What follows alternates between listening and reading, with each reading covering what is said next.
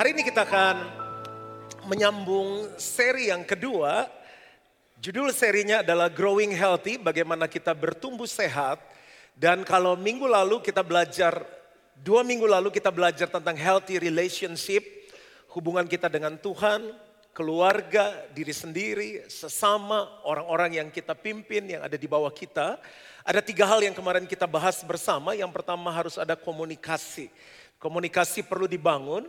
Lalu yang kedua ada sebuah kejujuran, sangat penting kejujuran. Dan yang ketiga adalah sebuah hati yang selalu ingin memberi dengan murah hati. Dan kalau tiga ini kita lakukan, kita akan menikmati hubungan yang sehat. Dan di bagian yang kedua ini saya ingin membahas tentang keuangan yang sehat atau healthy financial, keuangan yang sehat. Berapa banyak yang ingin punya keuangan yang sehat? Dan mungkin yang hadir level ekonominya berbeda-beda, tapi saya harus menyampaikan apa yang Tuhan mau saya sampaikan karena ini berguna bukan hanya untuk kita, tapi buat anak cucu kita.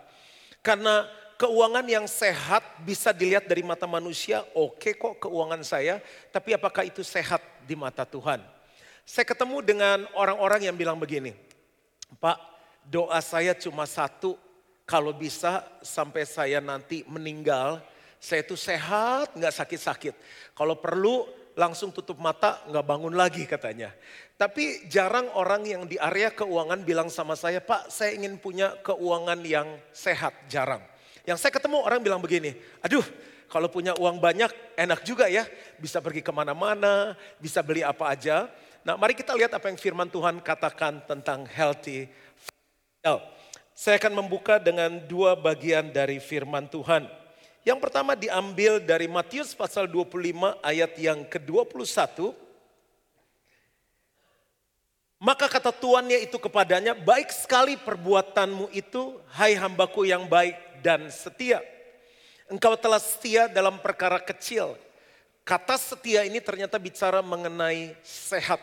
Engkau telah sehat dalam perkara kecil. Aku akan memberikan kepadamu tanggung jawab dalam perkara yang besar. Siapa yang ingin dapat perkara kecil aja. Siapa yang ingin dapat perkara yang besar?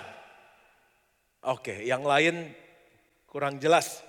Masuklah dan turutlah dalam kebahagiaan Tuanmu. Ternyata keuangan yang sehat membuat kita bahagia. Belum tentu orang yang uangnya banyak, orang itu sehat dan orang itu bahagia.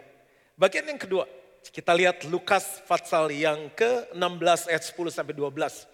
Barang siapa setia dalam perkara-perkara kecil, barang siapa sehat dalam perkara-perkara kecil, ia sehat, ia setia juga dalam perkara-perkara besar.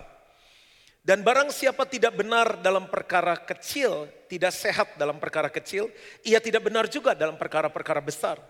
Jadi, jikalau kamu tidak sehat dalam hal mamon yang tidak jujur, siapakah yang akan mempercayakan kepadamu harta yang sesungguhnya? Saya cari bahasa aslinya apa sih harta yang sesungguhnya.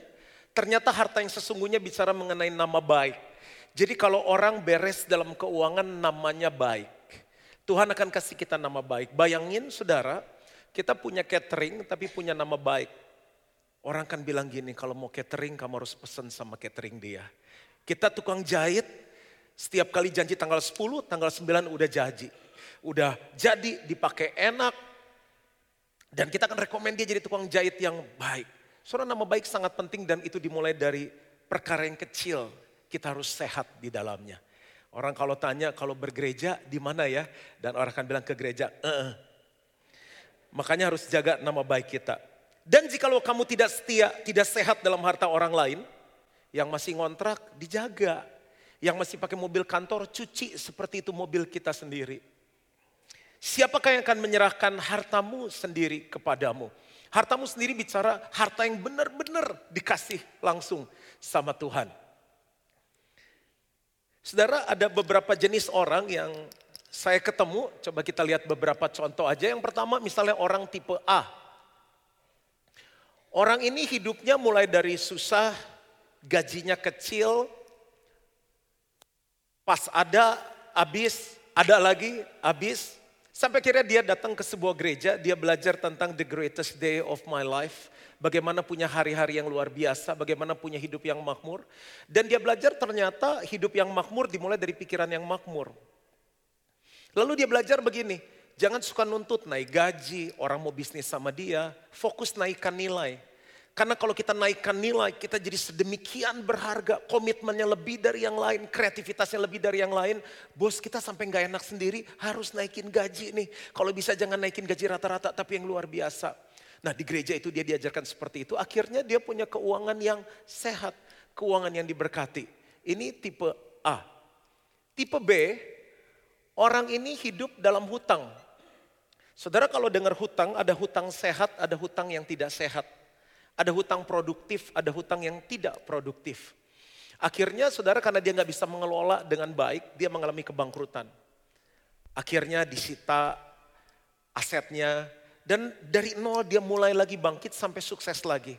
Tapi karena pola pikirnya nggak diubah, dia utang lagi karena hutang sudah menjadi lifestyle-nya, gaya hidupnya. Ini tipe B.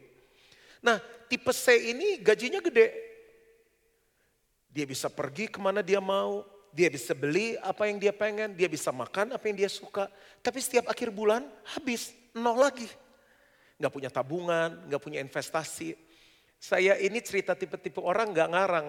Selama saya melayani 20 tahun lebih, saya ketemu orang-orang seperti ini. Tipe D, orang ini dapat warisan dari orang tuanya banyak. Bukan hanya warisan harta, tapi bisnis. Bisnisnya berkembang, dapat uang terus tapi hidupnya nggak bahagia, istrinya nggak bahagia, orang-orang di sekitar dia nggak bahagia. Karena dia sibuk menjaga hartanya, bagaimana supaya jangan berkurang. Tapi supaya dia sampai tua punya banyak harta. Jadi dia sibuk menjaga hartanya. Nggak sehat juga. Nah yang kita mau belajar hari ini adalah orang tipe E. Bagaimana kita punya keuangan yang sehat yang Tuhan mau. Karena Yesus bilang, aku datang untuk memberikan hidup dan hidup dalam segala kelimpahannya. Ingat, uang yang banyak belum tentu uangnya sehat dan hidupnya sehat.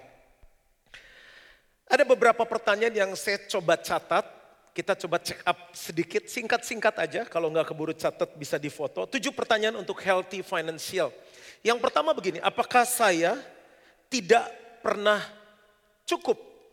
Apakah saya tidak pernah punya cukup? Artinya begini, waktu dia satu juta dia rasa nggak cukup. Waktu dia punya 10 juta sebulan, dia rasa nggak cukup. Pas 100 juta, 10 kali lipat dia rasa, kok cuma 100 juta?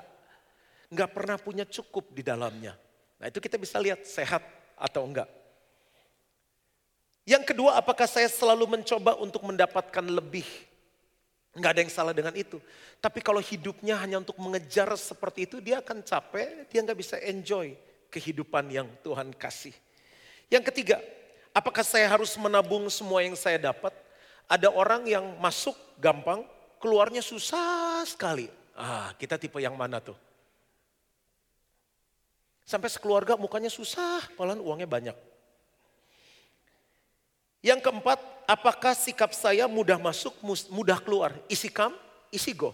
Masuknya gampang, ini keluarnya gampang juga, ini ekstrim yang lainnya. Bahaya juga nih, kurang sehat.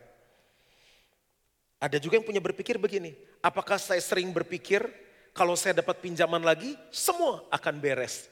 Jadi ini gali lubang, tutup lubang. Utang yang satu ditutupin yang lain. Dan dia punya utang di mana-mana yang banyak. Yang keenam, masalah kita sekarang adalah berjuang mendapatkan uang. Ada orang yang lagi hidupnya gini enggak? Atau lagi berjuang menahan uang keluar. Jadi punya uang tapi Spendingnya tinggi, susah ditahan. Dan yang terakhir yang ketujuh, apakah uang mengontrol kita atau uang hanya sebagai alat? Jangan mau dikontrol sama uang. Stres, sakit, nggak punya waktu untuk Tuhan, nggak punya waktu untuk keluarga. Uang adalah hamba kita. Dia hanya alat supaya kita bisa menjalani kehidupan yang Tuhan kasih. Nah, kalau nilai merahnya lebih dari empat pertanyaan, kemungkinan saudara perlu untuk melakukan langkah-langkah pertobatan. Yuk kita lanjut lagi poin berikutnya. Ini belum khotbah, baru pembukaan. Kan kita semua mau jadi tipe E kan? Nah, keuangan yang sehat itu seperti apa? Yang pertama, masuknya harus lebih besar dari keluarnya. Masuk harus lebih besar dari keluar. Ada istilah jangan lebih besar pasak daripada tiang. Jadi kalau masuknya 100%, keluarnya berapa? Kalau bisa 70% atau di bawahnya. Ini untuk gaji standar. Kalau saudara udah jadi miliuner, triliuner, ya itu nanti bisa diatur lebih lagi. Simpel-simpel aja. Kalau gajinya 10 juta, pengeluarannya jangan lebih dari 7 juta. Kalau bisa di bawahnya. Pak ini hukumnya dari mana? Di Alkitab ada. Nanti kita akan belajar lewat ilustrasi di depan. 10 persennya untuk Tuhan, 10 persennya untuk hari tua kita, 10 persennya untuk benih. Nah coba kita lihat dulu nih yang pertama, kita sehat nggak? Apa setiap kali naik gaji pengeluarannya juga lebih tinggi dari gajinya? Yang kedua adalah aset lebih besar daripada hutang. Jadi kalau asetnya misalnya 100 juta, hutangnya jangan lebih besar daripada 70 juta.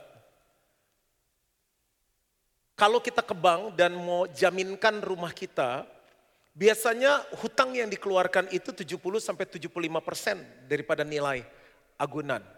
Kalau zaman dulu saudara orang masih bisa bandel di markup markup kerjasama sama pihak keuangan. Jadi uangnya dia pakai bisnisnya sama berapa, sisanya buat dia pakai menyenangkan hidup. Ya 100 juta aset kita, hutangnya jangan lebih dari 70 juta dan ini harus hutang sehat. Dan menurut saya kalau kita tidak ada hutang, itu sama dengan ini.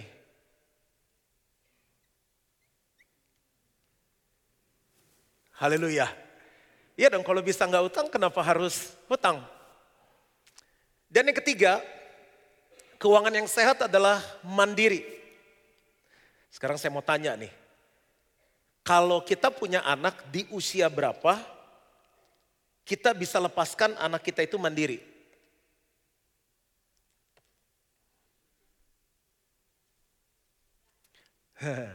Boleh dijawab ini pertanyaan? Pas menikah atau pas dia bekerja?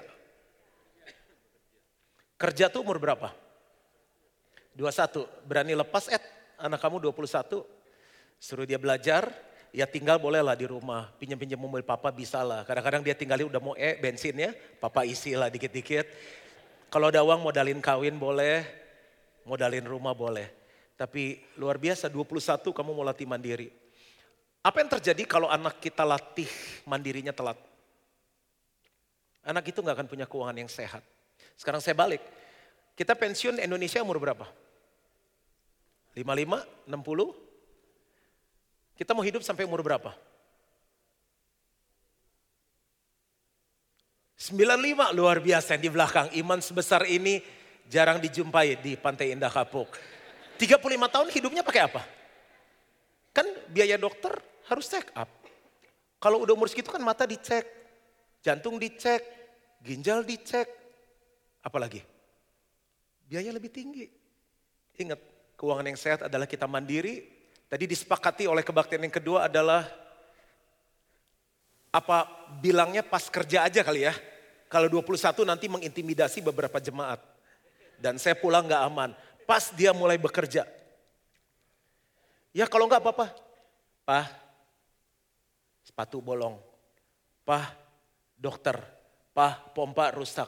Kalau orang tuanya kaya nggak masalah, tapi kasihan. Dia nggak bisa ngalami keuangan yang sehat. Jadi waktu anak itu mulai kerja, dia harus mulai mandiri. Dan juga waktu kita tua di atas pensiun, kita harus bisa mandiri. Yang keempat adalah punya rasa cukup. Itu sehat. Karena firman Tuhan begini, ibadah kalau disertai rasa cukup sangat menguntungkan. Kenapa orang gak pernah untung rugi terus? Karena rasa gak cukup. Ini saya ambil dari Instagram, warning, sneakers can cause serious damage to your wallet. Sepatu sneaker bisa mengakibatkan kerusakan serius pada dompet kita. Ini udah jawab. Sekarang siapa yang mau coba baris sini atau baris ini? Sini aja deh. Bapak-bapak, ibu-ibu di sayap kanan ini, di titik berapakah kira-kira kita bisa bilang cukup secara keuangan? Sebulan berapa duit? Jujur, jangan ada dusta di antara kita.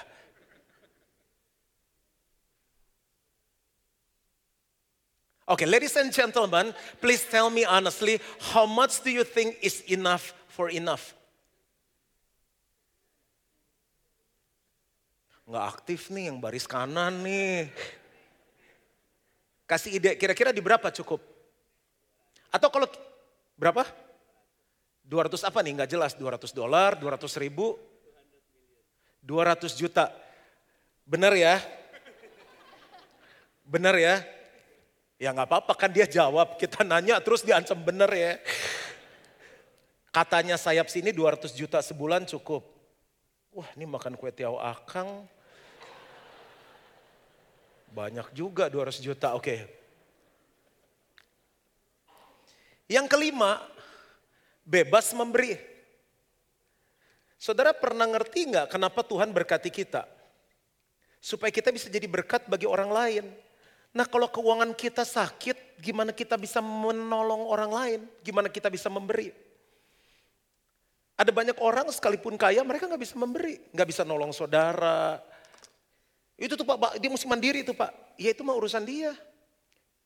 Selalu ada orang susah di sekeliling kita. Menolong pekerjaan Tuhan. Banyak hal kita bisa tabur benih. Firman Tuhan bilang gini lebih berkat memberi daripada menerima.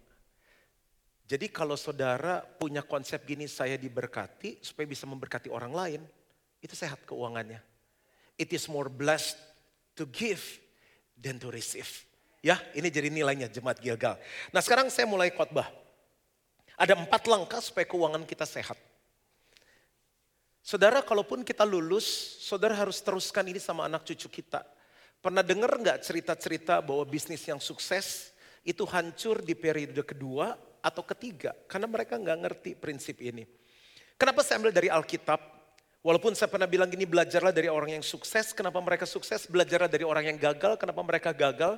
Karena saya belajar dari Bapak saya yang punya langit bumi beserta segala isinya. Yang pertama kita harus tahu keadaan keuangan kita yang terkini. Kita harus tahu keadaan keuangan kita yang terkini. Saudara mobil, kita selalu lihat temperaturnya naik turun bensinnya di E, di tengah atau di titik full. Udah harus servis nggak? Ibu-ibu selalu lihat kulkas. Kira-kira stok masih ada nggak ya? Ikan, ayam, sapi, cunyuk masih ada nggak ya sampai akhir minggu ini? Tapi kenapa banyak orang nggak pernah cek keuangannya? Dan saya temukan alasannya begini, malas lah pak udah ketanggung ancur. Loh justru ancur itu karena kita nggak lihat. Pertanyaan gini, berapa sering kita harus cek keuangan kita? Daily, setiap hari. Semakin banyak keuangan kita, semakin besar yang Tuhan percayakan daily.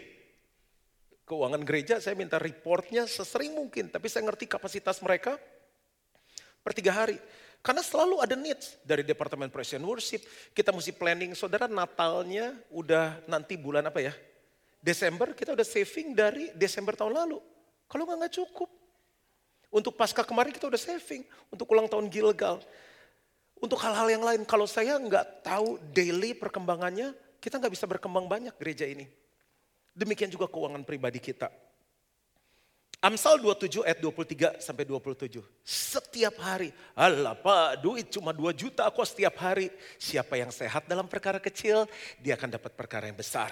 Kenalah baik-baik keadaan kambing dombamu, perhatikanlah kawanan hewanmu, karena harta benda tidaklah abadi.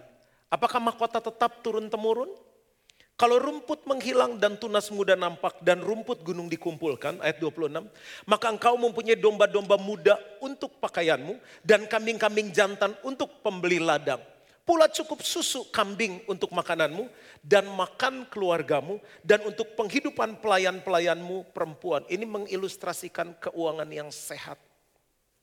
Saya pengen bahkan orang yang bekerja dengan kami hidupnya tambah lebih baik. Nah kalau pemimpinnya nggak punya konsep keuangan yang sehat, sebuah pemimpin perusahaan, sebuah kepala keluarga, maaf, seorang kepala keluarga, nggak mungkin keluarganya sehat. Orang mulai hidup beda-beda titiknya. Ada orang yang mulai dalam keadaan minus. Ada orang yang mulai dalam keadaan nol. Ada orang yang mulai hidupnya dalam keadaan plus. Dia lahir udah tersedia, ada suster, ada supir, sekolah di sekolah yang bagus. Tapi ada orang yang lahir lebih luar biasa dalam keadaan berkelimpahan, dalam keadaan multiplikasi. Kenapa kita perlu cek keuangan kita? Kalau ini garis kehidupan, misalnya sekarang kita let's say umur 44 tahun di titik ini. Kita mau hidup sampai umur 94 tahun. Kalau pensiun di umur 60 tahun, masa produktif masih ada 16 tahun lagi. Kalau nggak dari sekarang kita mau lihat keadaan keuangan kita, misalnya sekarang per bulan kita hidup 5 juta per bulan. Nanti waktu di umur 60 tahun mungkin ada pensiun, ada tabungan. Tapi yang 5 juta mungkin karena inflasi sudah menjadi 10 juta per bulan. Bisa terjadi nggak? Bisa kejadian. 60 sampai 94 tahun kan ada 34 tahun. 34 tahun itu berapa bulan? 34 kali 12 berapa? 408. 408 bulan. Kalau 408 bulan kali 10 juta berapa? 4,8 M atau 48 M? 48 M ya. Let's say 48 M. Berarti bagaimana kita punya dana 48 M. 4, oh, jangan marah dong ya kan.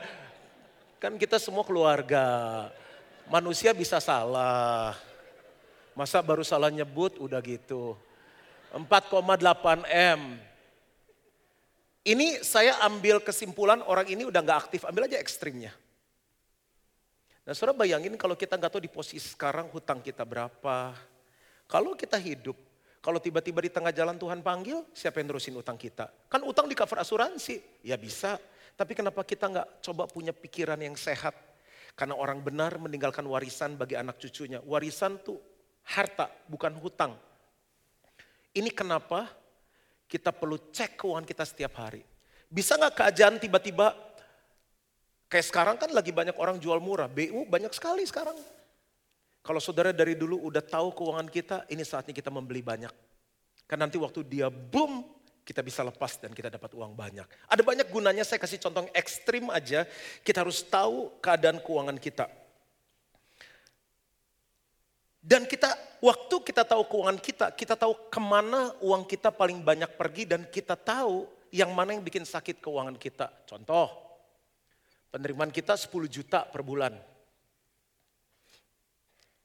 Kan kita cek ya, memberi sekian, rekreasi sekian, lalu apa lagi? Dapur sekian, ya normal lah karena walaupun empat isi keluarganya tapi makannya banyak-banyak. Dan lain-lain. Nah di sini kita bisa tahu, oh yang buat keuangan saya nggak sehat ini di area misalnya rekreasi atau ini shopping. Wah ini rupanya paling besar. Ini yang buat keuangan kita nggak sehat karena ini empat misalnya. Kita bisa cepat lakukan perbaikan di area mana yang uangnya keluar paling banyak dan tidak sehat. Itu tujuannya kita harus terus cek keuangan kita. Hal yang sebaliknya juga kalau kita nggak ikutin utang kita, lama kelamaan bisa utang, numpuk utang, numpuk utang, bahkan bunganya kita nggak bisa bayar. Hal yang kedua, kalau kita mau punya keuangan yang sehat, kita harus tetapkan budget bulanan dan mengikuti. Saya di kantor, mulai dari November tahun lalu, mereka udah harus kumpulin budget untuk 2017. Detail semuanya. Karena budget adalah rencana keuangan kita. Yuk buka ayatnya Lukas 14 ayat yang ke-28.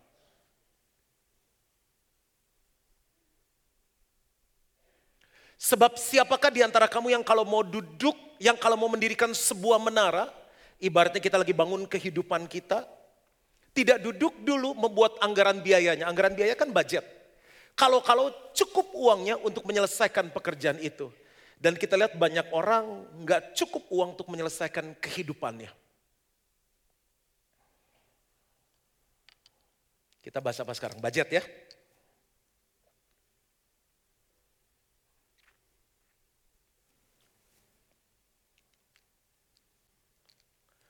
Tulis budget. Misalnya masih tadi gajinya 10 juta, in 10 juta. Kalau kita nggak tentuin budget buat dapur berapa, buat rekreasi berapa, akhirnya misalnya contoh kita set dapur 2,1 juta. Enak ngaturnya. Kan sebulan ada 30 hari kan? 30 hari berarti perharinya berapa?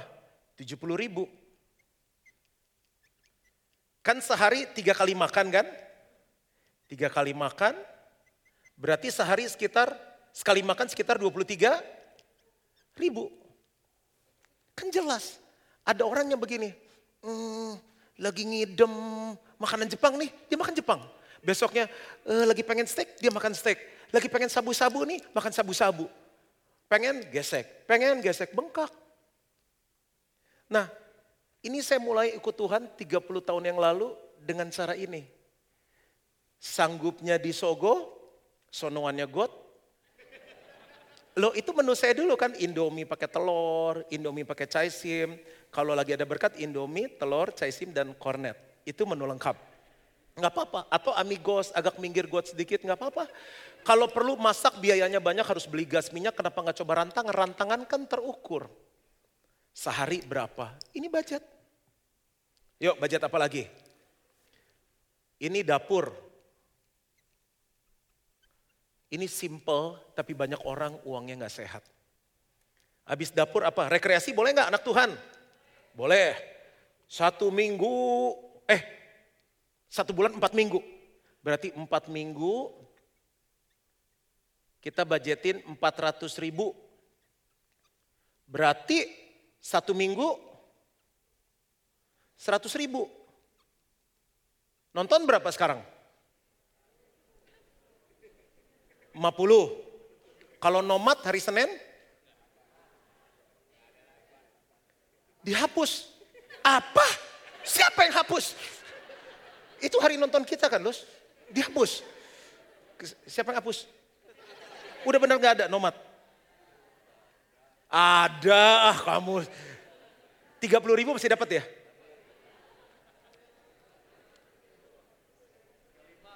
Tiga lima, oke, okay. cincai loh. Tiga puluh lima ribu.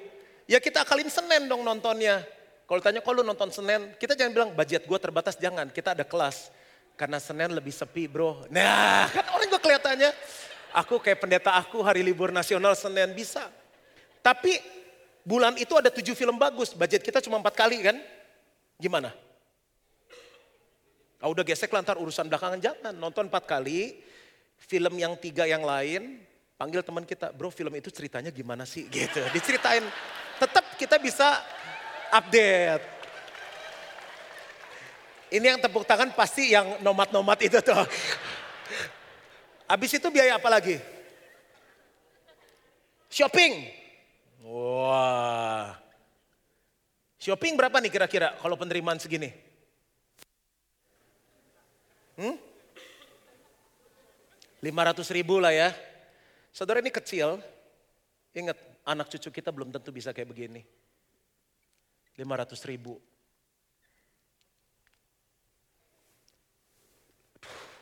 Lagi model jeans bolong lagi sekarang gunting-gunting aja sendiri. Yang penting kita nggak lewat budget.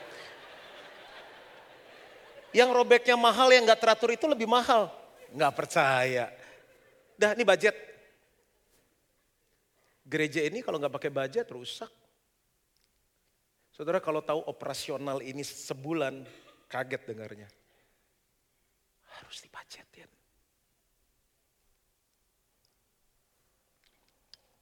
Yang ketiga, kita harus mulai memberi 10% dan lebih jika kita belum melakukannya. Yuk kita baca Maliki 3 ayat 6 sampai 12. Bahwasanya aku Tuhan tidak berubah dan kamu Bani Yakub tidak akan lenyap. Sejak zaman nenek moyangmu kamu telah menyimpang dari ketetapanku dan tidak memeliharanya. Jadi bukan baru sekarang dari zaman nenek moyang. Kembalilah kepadaku, kata Tuhan, maka aku akan kembali kepadamu, firman Tuhan semesta alam. Tetapi kami berkata dengan cara bagaimanakah kami harus kembali. Ayat 8, bolehkah manusia menipu Allah? namun kamu menipu aku. Tetapi kamu berkata dengan cara bagaimanakah kami menipu engkau mengenai persembahan persepuluhan dan persembahan khusus. Ayat 9 bilang gini, kamu telah kena kutuk. Lah orang kalau kerja tapi dalam kutuk gimana mau punya keuangan yang sehat. Tetapi kamu masih menipu aku ya kamu seluruh bangsa. Ayat 10, bawalah seluruh persembahan persepuluhan itu ke dalam rumah perbendaran. Rumah perbendaran itu gereja. Jadi kalau saudara gerejanya di gereja A, saudara harus kembalikan persepuluhannya, 10% dari penerimaanmu ke gereja A. Supaya ada persediaan makanan di rumahku. Makanya kenapa ada gereja-gereja yang gak bisa sehat, karena jemaatnya nggak berani diajarin oleh gembalanya untuk mengembalikan perpuluhan. Karena perpuluhannya nggak ada, nggak ada makanan yang sehat. Karena makanannya nggak sehat, jemaatnya nggak bisa bertumbuh dengan sehat. Sesimpel itu. Ujilah aku firman Tuhan semesta alam, apakah aku tidak membukakan bagimu tingkap-tingkap langit dan mencurahkan berkat kepadamu sampai berkelimpahan. Ayat 11, aku akan menghardik bagimu belalang pelahap, supaya jangan dihabisinya hasil tanahmu, dan supaya jangan pohon anggur di padang tidak berbuah bagimu. Kalau pohon tidak berbuah namanya pohon apa? Pohon sakit. Firman Tuhan semesta alam. Maka segala bangsa akan menyebut kamu berbahagia. Segala bangsa akan menyebut jemaat kebaktian dua GBI Girga berbahagia. Lah kalau berbahagia kan keuangannya sehat. Kalau sakit gimana disebut berbahagia? Sebab kamu ini akan menjadi negeri kesukaan firman Tuhan semesta alam. Apa Tuhan kurang uang suruh kita ngasih? Enggak. Cuma supaya kita sehat dan gak bekerja di dalam kutuk. Kalau mau tanya alasannya banyak. Berkat Tuhanlah yang menjadikan kita kaya, susah payah tidak akan menambahinya. Apalagi ia memberikan kepada yang dicintainya pada waktu ia tidur. Waktu kita memberi, kita kasih kesempatan Tuhan. Kita percaya sama broker A, broker B, properti A, properti B, supaya uang yang kita taruh diputar dan ada hasil. Tapi kita nggak percaya sama Tuhan yang melahirkan properti A, properti B, banker A, banker B, broker A, broker B. Kan yang di sana lebih pinter. Ayat berikutnya. Kenapa keuangan yang sehat harus melakukan apa yang namanya memberi. 2 Korintus 9 ayat 10 sampai 11. Ia yang menyediakan benih bagi penabur. Coba bilang sama-sama benih. Benih itu bagi penabur. Terus dan roti untuk dimakan.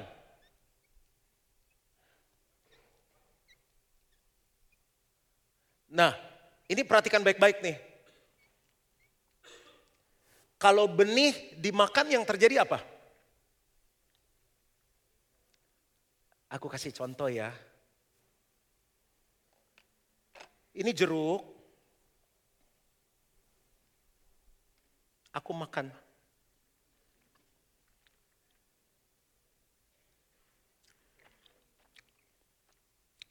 Ada benih. Kalau benih dimakan apa yang terjadi? Yang terjadi apa? Kalau satu ya keluar. Kalau setiap hari benih dimakan, ICU.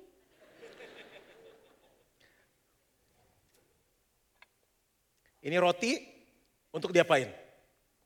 Makan.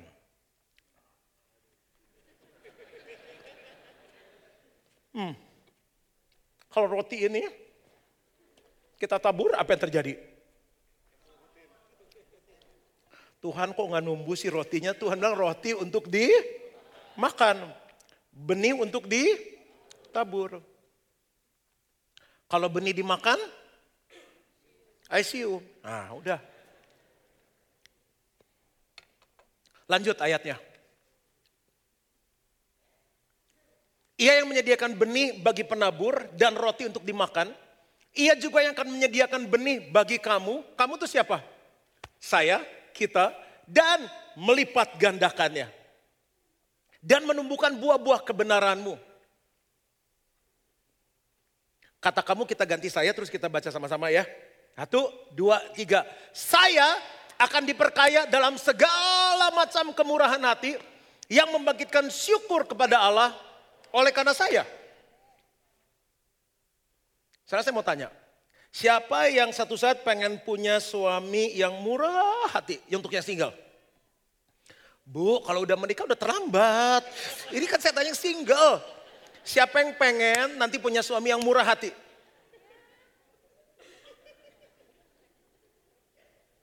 Saudara ingat kemarin healthy relationship dimulai dari orang yang murah hati.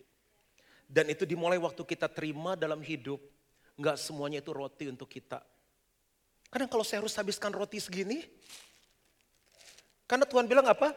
Setiap hari selalu baru. Berikan kami pada hari ini makanan kami yang secukupnya.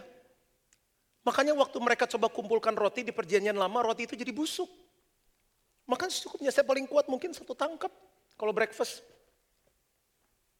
Oke.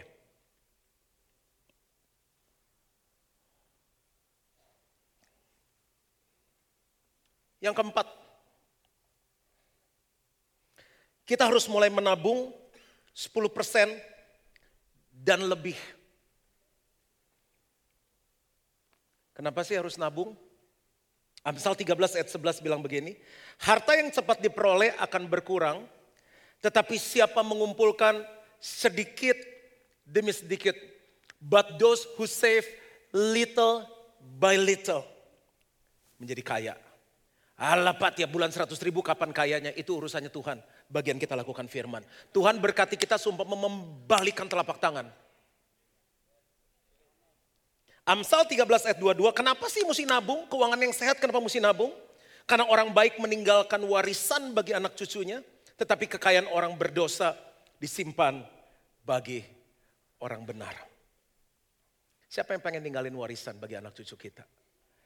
Dimulai dari sekarang, tanggal 14 Mei 2017 lakukan empat langkah keuangan yang sehat ini.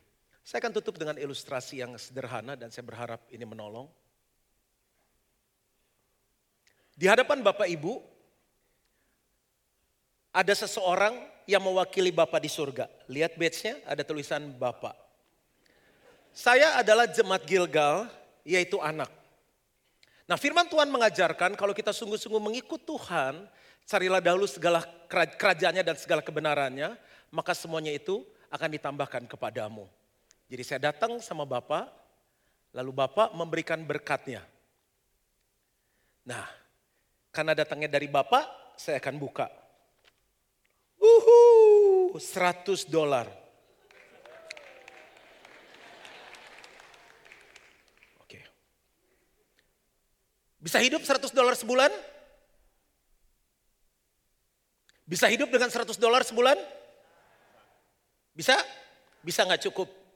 Tapi respon 100 dolar itu 1,3 juta. Tapi respon kita harus apa? Puji Tuhan, terima kasih Tuhan. Lalu langkah yang harus kita lakukan pertama, walaupun cuma 100 dolar cepekong, harus kembalikan sama Tuhan 10 persen, 10 dolar. Lalu untuk diri kita sendiri, 10% supaya tua kita bisa hidup waktu pensiun 10%. Lalu kita harus benih, ingat benih jangan dimakan. Kalau benih dimakan, ya sisa 70 dolar. Nah 70 dolar itu kita ngaturnya gimana? Saudara harus tetap masih saving. Karena suka ada biaya tak terduga. Anjing sakit, rumah bocor, ya kan? Mobil keserempet kan perlu asuransi juga 100-200 ribu bayar apa itu biayanya. Lalu spendingnya kita mesti diatur sesuai budget. Perlu invest, karena kalau saving penambahan hasilnya, kalau invest multiplikasi, investasi yang benar. Lalu hari Minggu ke gereja lagi, kebaktian yang jam 10. Doa datang sama Tuhan dikasih lagi sama bapak. Tadi dia lagi lihat mana yang buat abeng, mana yang buat saya. Beda-beda. Wuhu, seribu dolar. Barang siapa setiap perkara kecil, dia akan mendapatkan perkara yang besar. Prinsip tadi, 10% Tuhan. Buat masa tua, 100 dolar Tuhan buat benih Nabur, nolong orang susah, nolong pekerjaan Tuhan, 100 dolar. Sisa 700 dolar. Cihuy. Tadi 70 dolar bisa hidup nggak? Sekarang kalau dapat 700 dolar buat hidupnya berapa? Ulang. Tadi waktu 70 dolar bisa hidup kan? Sekarang dengan 700 dolar buat hidupnya berapa? Ya jangan pelit-pelit amat lagi. Udah 700 dolar masa 70 lagi. Kan istri perlu ganti daster segala. Udah side A side B dipakainya. Uh, 200 dolar deh ya. Oke? Okay? Saving dulu deh. Karena kan rumahnya tambah gede. Bocornya kan. Tapi kalau rumah bagus sih nggak bocor ya. Oh biayanya lebih besar. Jadi biar tak terduga lebih besar lagi. Spendingnya naikin deh, jangan 70, 200. Masih ada 300 nih. Buat apa nih 300? Ya udahlah invest. Hari Minggu dia datang lagi ke gereja jam 10 dan tidak terlambat. Kenapa sih mesti ditambahin tidak terlambat? Dia datang sama Tuhan, dikasih lagi sama Tuhan.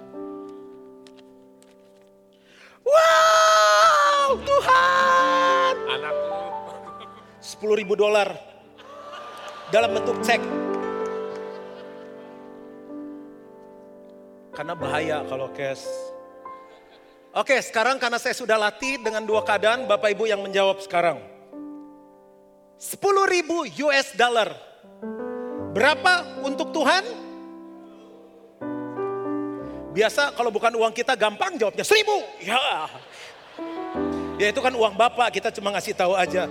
Buat diri sendiri, seribu.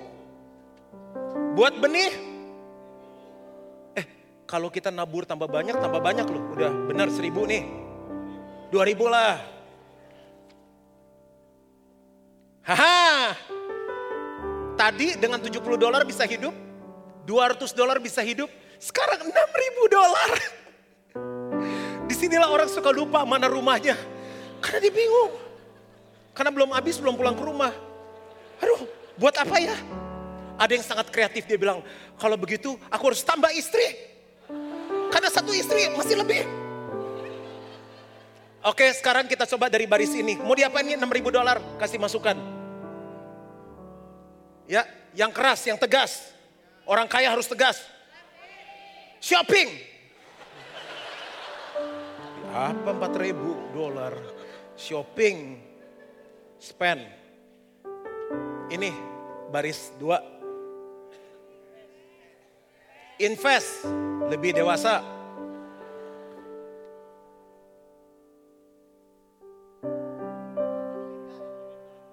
Giving God. Pasti ini dekat sama Tuhan. Kita lupa setiap kali kita dapat, kita nggak tanya Tuhan, Tuhan, ini kan uangmu yang Tuhan titip. Saya pakai buat apa ya? Kan nggak apa-apa yang satu mau shopping. Ini kepercayaan kok, giving God. Ini udah balkon. Sisa 2000. Balkon.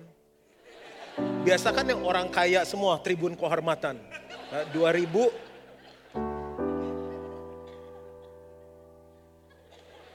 Buat aku. Ayo balkon Boleh invest? Boleh. Saudara ini kehidupan kan sedemikian. Tuhan kasih kita kebebasan. Kok masih ada orang yang bangkrut? Yang sakit keuangannya. Prinsipnya simple. Tapi kalau kita lakukan satu demi satu menurut firman Tuhan. Kita akan punya keuangan yang sehat. Tuhan memberkati. Mari bangkit berdiri sama-sama. Satu-satunya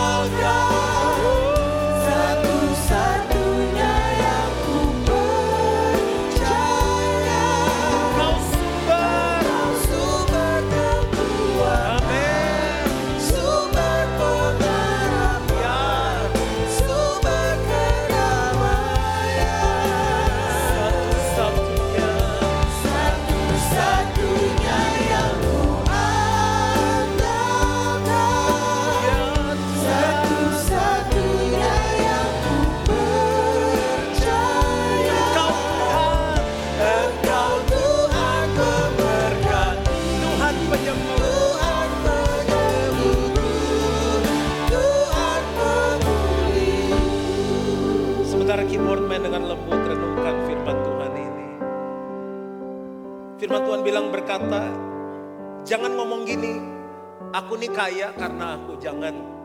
Karena semua dari Tuhan. Saudara mungkin mulai dari nol, dari minus. Atau lahir sudah dalam keadaan plus.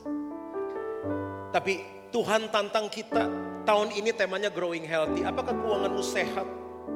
Apakah innya lebih besar dari outnya? Masuknya lebih besar dari keluarnya? Apakah aset lebih besar dari hutang? Bebas hutang jauh lebih baik. Apakah kita bisa mandiri? Anak-anak muda belajar. Apakah kita punya rasa cukup? Apakah kita punya kebebasan memberi dan berbagi? Seringkali kita nggak bisa memberi, padahal penerimaan kita udah besar. Tuhan bilang, bahwa aku berkati kamu supaya kamu berkati orang lain. Berkati orang susah, mereka yang kurang beruntung, berkati pekerjaan Tuhan. Ada empat langkah keuangan yang sehat. Yang pertama kita harus tahu keadaan keuangan kita yang terkini. Apakah saudara tahu? Apakah kita beritahu sama istri kita keuangan kita? Bahkan kita harus kasih tahu anak-anak kalau kita sedang harus kencangkan ikat pinggang. Dari kecil mereka harus belajar. Apakah kita harus tetapkan budget bulanan dan mengikuti? Budget sangat baik. Apakah kita sudah mulai memberi 10% untuk Tuhan, untuk diri kita sendiri buat hari tua, untuk benih. Karena benih gak boleh dimakan, roti yang dimakan. Apakah kita sudah mulai menabung 10% dan lebih? Aku berdoa biar semua jemaat kebaktian yang kedua punya keuangan yang sehat. Yang sedang bergumul, yang sedang berjuang Tuhan tolong dan berikan jalan keluar. Yang diberkati melimpah oleh Tuhan biar mereka ingat bahwa mereka harus tetap punya keuangan yang sehat. Mereka diingatkan untuk apa mereka diberkati. Supaya kita bisa memberkati pekerjaan Tuhan dan memberkati orang yang membutuhkan.